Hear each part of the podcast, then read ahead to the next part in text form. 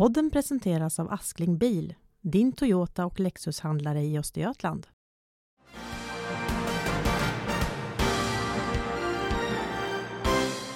Ja, då säger vi varmt välkomna till ett nytt avsnitt av Korrens nyhetspodd.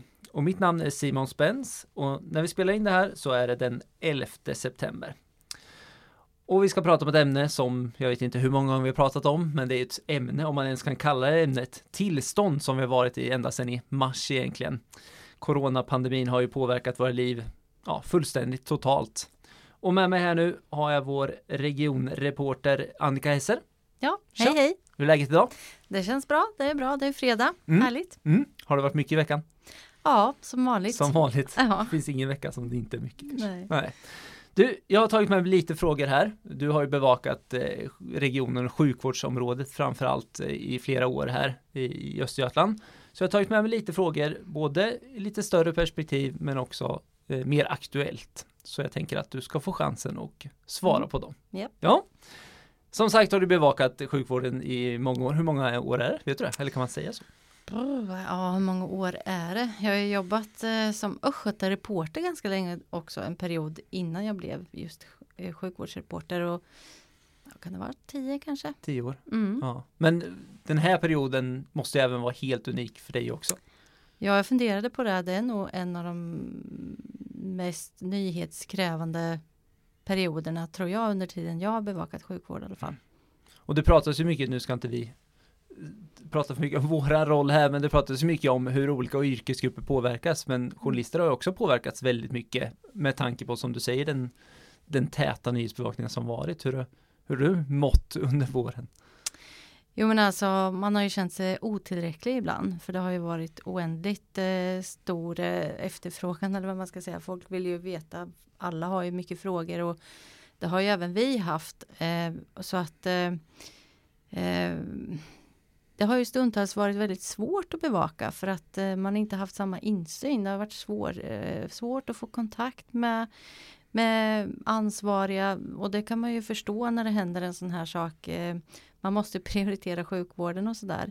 Men, men vi har ju alla invånare som vill ha svar så att det är viktigt att vi också släpps in någonstans.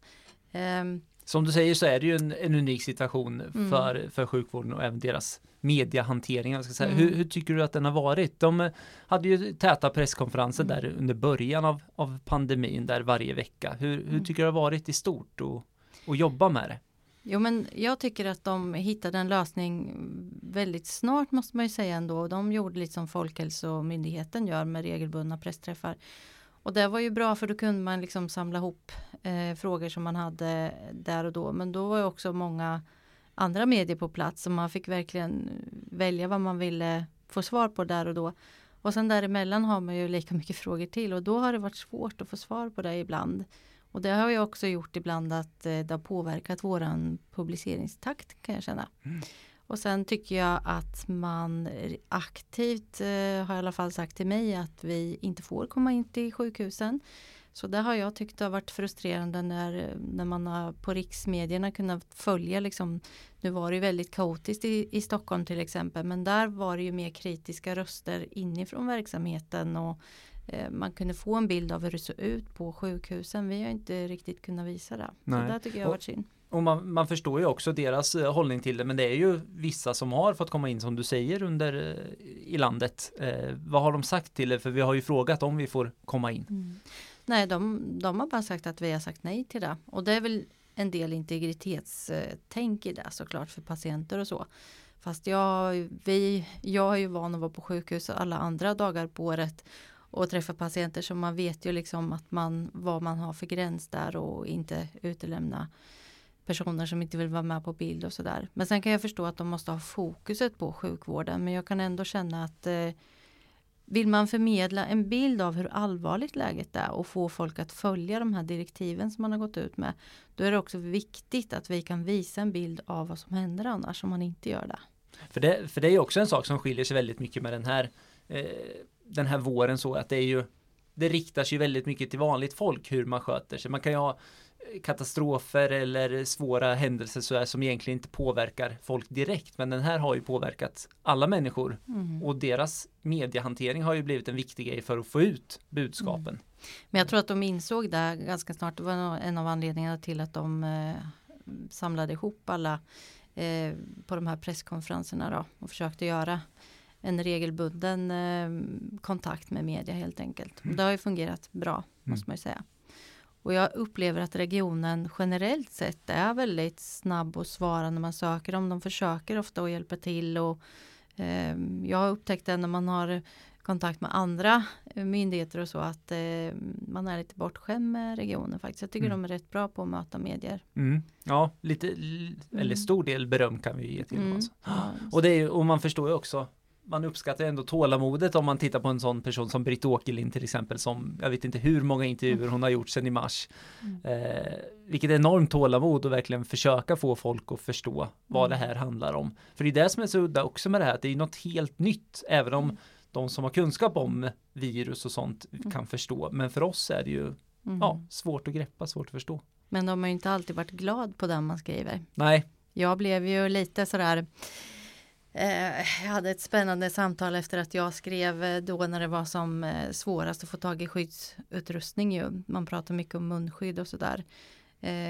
Och då framkom det ju i en intervju där att ja, om det inte finns, då finns det ju inte. Det var ju en risk att man skulle stå utan där och det är klart att det väckte starka reaktioner och då det blev väldigt svårt att hantera internt för dem vet jag. Men där har ju vi en viktig roll att skriva så som det är. Mm. Ja, man brukar tänka på det ibland vi får när vi får beröm för artiklar och sånt. Det är ju inte så det alltid ska vara. Vi ska ju inte få beröm alltid för det vi skriver utan det ska ju vara sånt som också Mm. ja, sticker i deras ögon. Eller så Mm. Vi ska försöka visa hela, hela bilden förstås. Ibland kan jag tycka att vi får lite oförtjänt kritik för att vi liksom vill ha såna här krigsrubriker eller bara fokusera på det negativa. Det gör vi ju inte. Men i en sån här situation när det är så stora allvarliga brister som det var med skyddsutrustning och så i hela Sverige, då måste man kunna skriva om det och vilka konsekvenser det får. Det spelar ingen roll att, att, eh, att vi kanske skrämmer upp folk eller sådär. Vi, vi måste bara ge en bild av hur det faktiskt är. Mm. Visst. För när, Mm. när sen de berättar att de har gått om skyddsutrustning då måste vi Mm. skriva om det med förstås. Mm. Om vi tittar lite på eh, vad som har hänt för dig eh, aktuellt här den senaste veckan egentligen så har det kommit med flera avslöjanden om vilka summor det handlar om egentligen om man tittar på kostnaderna för coronapandemin eh, för regionen. Kan du berätta lite mer vad det, vad det handlar om? Jo men det handlar ju om att regeringen har varit tydlig från början egentligen med att man ska stå för de kostnader som den här pandemivården eh, leder till och nu, nu samlar man ihop eh, en räkning helt enkelt som man skickar till Socialstyrelsen i det här fallet då. Och eh, ja, det handlar om, om personalkostnader och skyddsutrustningsinköp och läkemedel och sånt där. Ehm, som, ja det var uppe i nästan 500 miljoner nu för regionen här. Mm. Och den största kostnaden har ju varit personalkostnaden men en näst största är ju skyddsutrustningen. Och där är det ju det är ju lite besvärligt nu med kostnader och sådär eftersom eh, regionen har ju fått köpa in utrustning som annars kanske inte hade godkänts eh, säkerhetsmässigt och så. Men Arbetsmiljöverket har ju mm, gjort sådana här tillfälliga godkännanden och nu är det ju lite oklart vad som händer med den utrustningen. Som jag förstår så har man lager som räcker flera år. Vad kan Och- det handla om för typ av Ja, det kan ju Skyddsutrustning. vara visir, eh, eh, ansiktsmasker då, inte munskydd inte men andningsskydd eh, mm. som det heter då. Och sen sådana här skyddsförkläden och sånt då. Det är väl det framförallt då. Och det, vi skrev ju om flera företag som ställde om och hjälpte sjukvården och, och gjorde sådana här lite enklare varianter av visir. Så det är väl mycket sånt som ligger som, som har varit viktigt att ha under den här tiden. Men som nu när marknaden är annorlunda, eh, pandemin har avtagit, man vet ju inte vad som händer i höst. Det kan ju vara så att man faktiskt behöver använda det där. Men, men de har ju flaggat för att en stor del av det här lagret kanske måste kasseras.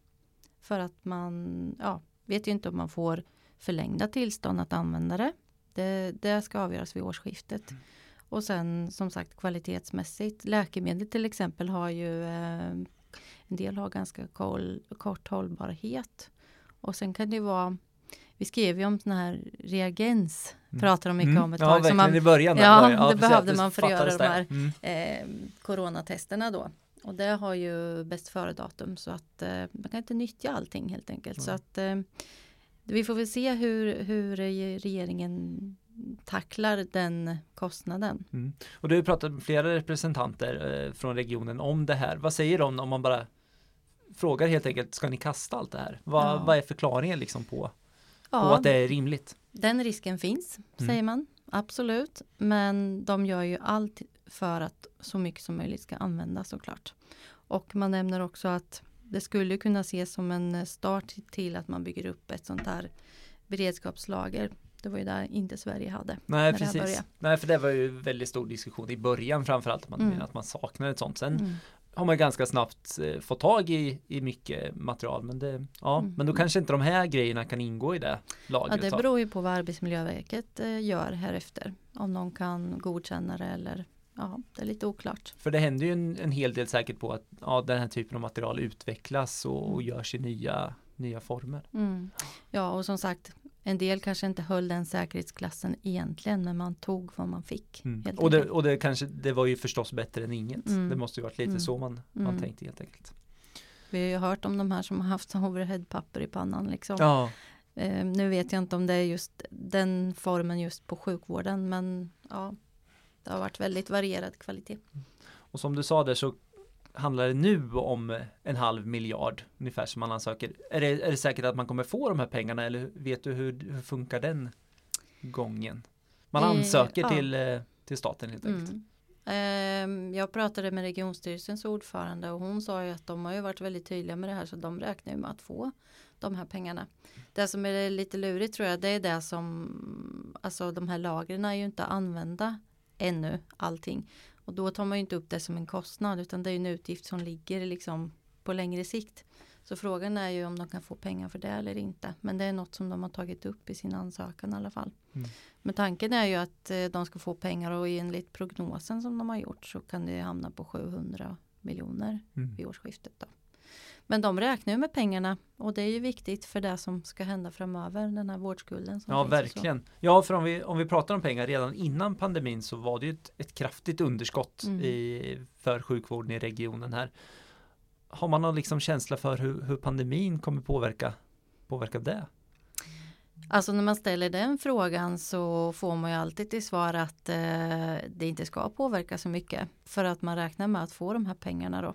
Så då har man bara de gamla vanliga problemen att ta tampas ja, med. Precis. Och de är inte så små de heller. Det är ja. ju jättemånga redan som har stått i kö till operationer och så. Till specialistvården. Mm. Det har ju varit en akilleshäl i regionen.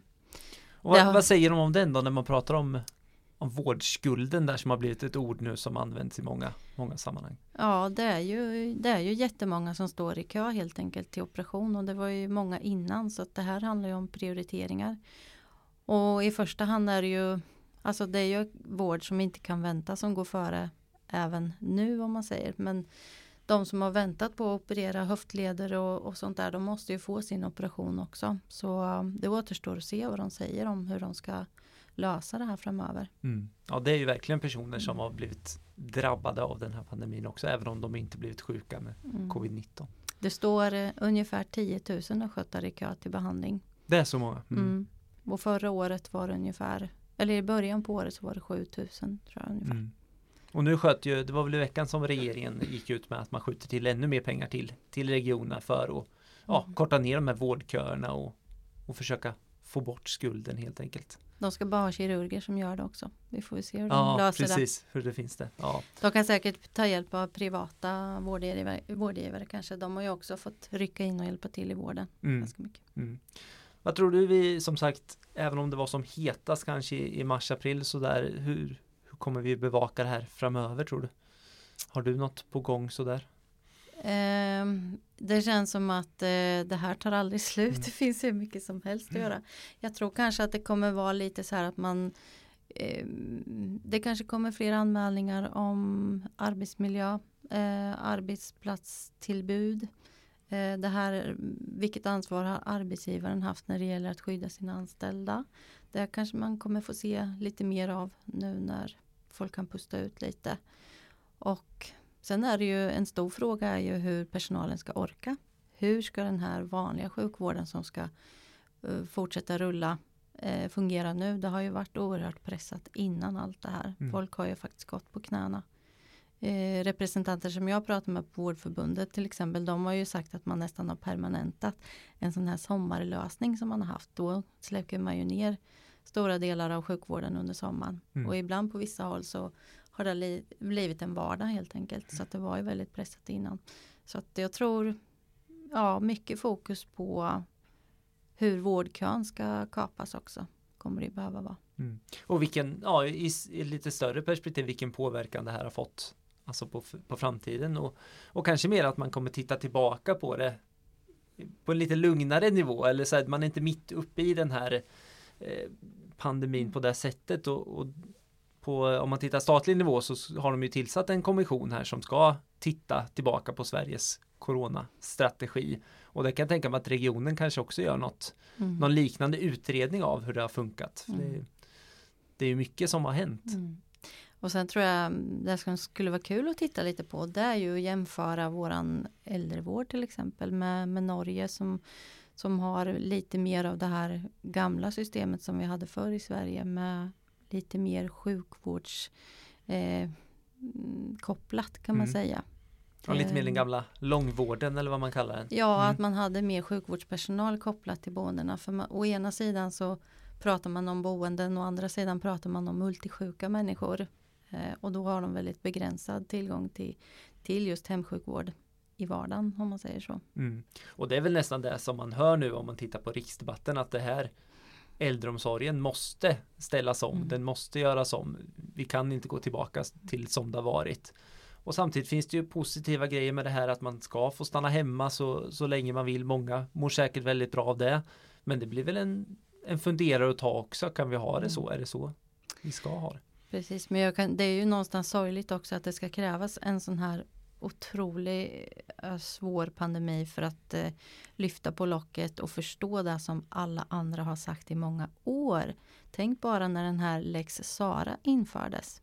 Jag vet inte hur, när det gjordes men redan då såg man ju brister i äldrevården och efter det så har det ju varit många sådana exempel tycker jag på, på saker som inte står rätt till i vården. Nej. Och lex Sara mm. bara för våra lyssnare? Eh, det är ju motsvarigheten till eh, I sjukvården har man ju något som heter lex Maria. Då anmäler man ju sånt som har vållat eller har kunnat vålla en vårdskada eh, som ju sjukvården utreder själv men som man ska lära sig av helt enkelt. Och I kommunernas vård och omsorg så kallas det lex Sara. Bra.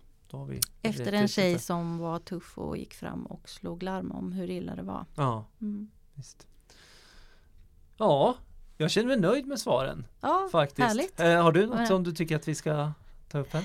Nej, men det känns, ja, det är kul om folk hör av sig till ja, oss ja, med tips ja, precis. såklart. Ja, ja, ja men vi kan eh, tipsa som vi brukar säga här till eh, tipsa.korren.se Eh, så det får ni jättegärna göra eh, om ni har tips om saker som händer inom vården och omsorg eh, och även om ni har andra tips på vad vi ska prata om här i podden. Ja, mm. då tackar vi så mycket mm. så hörs vi.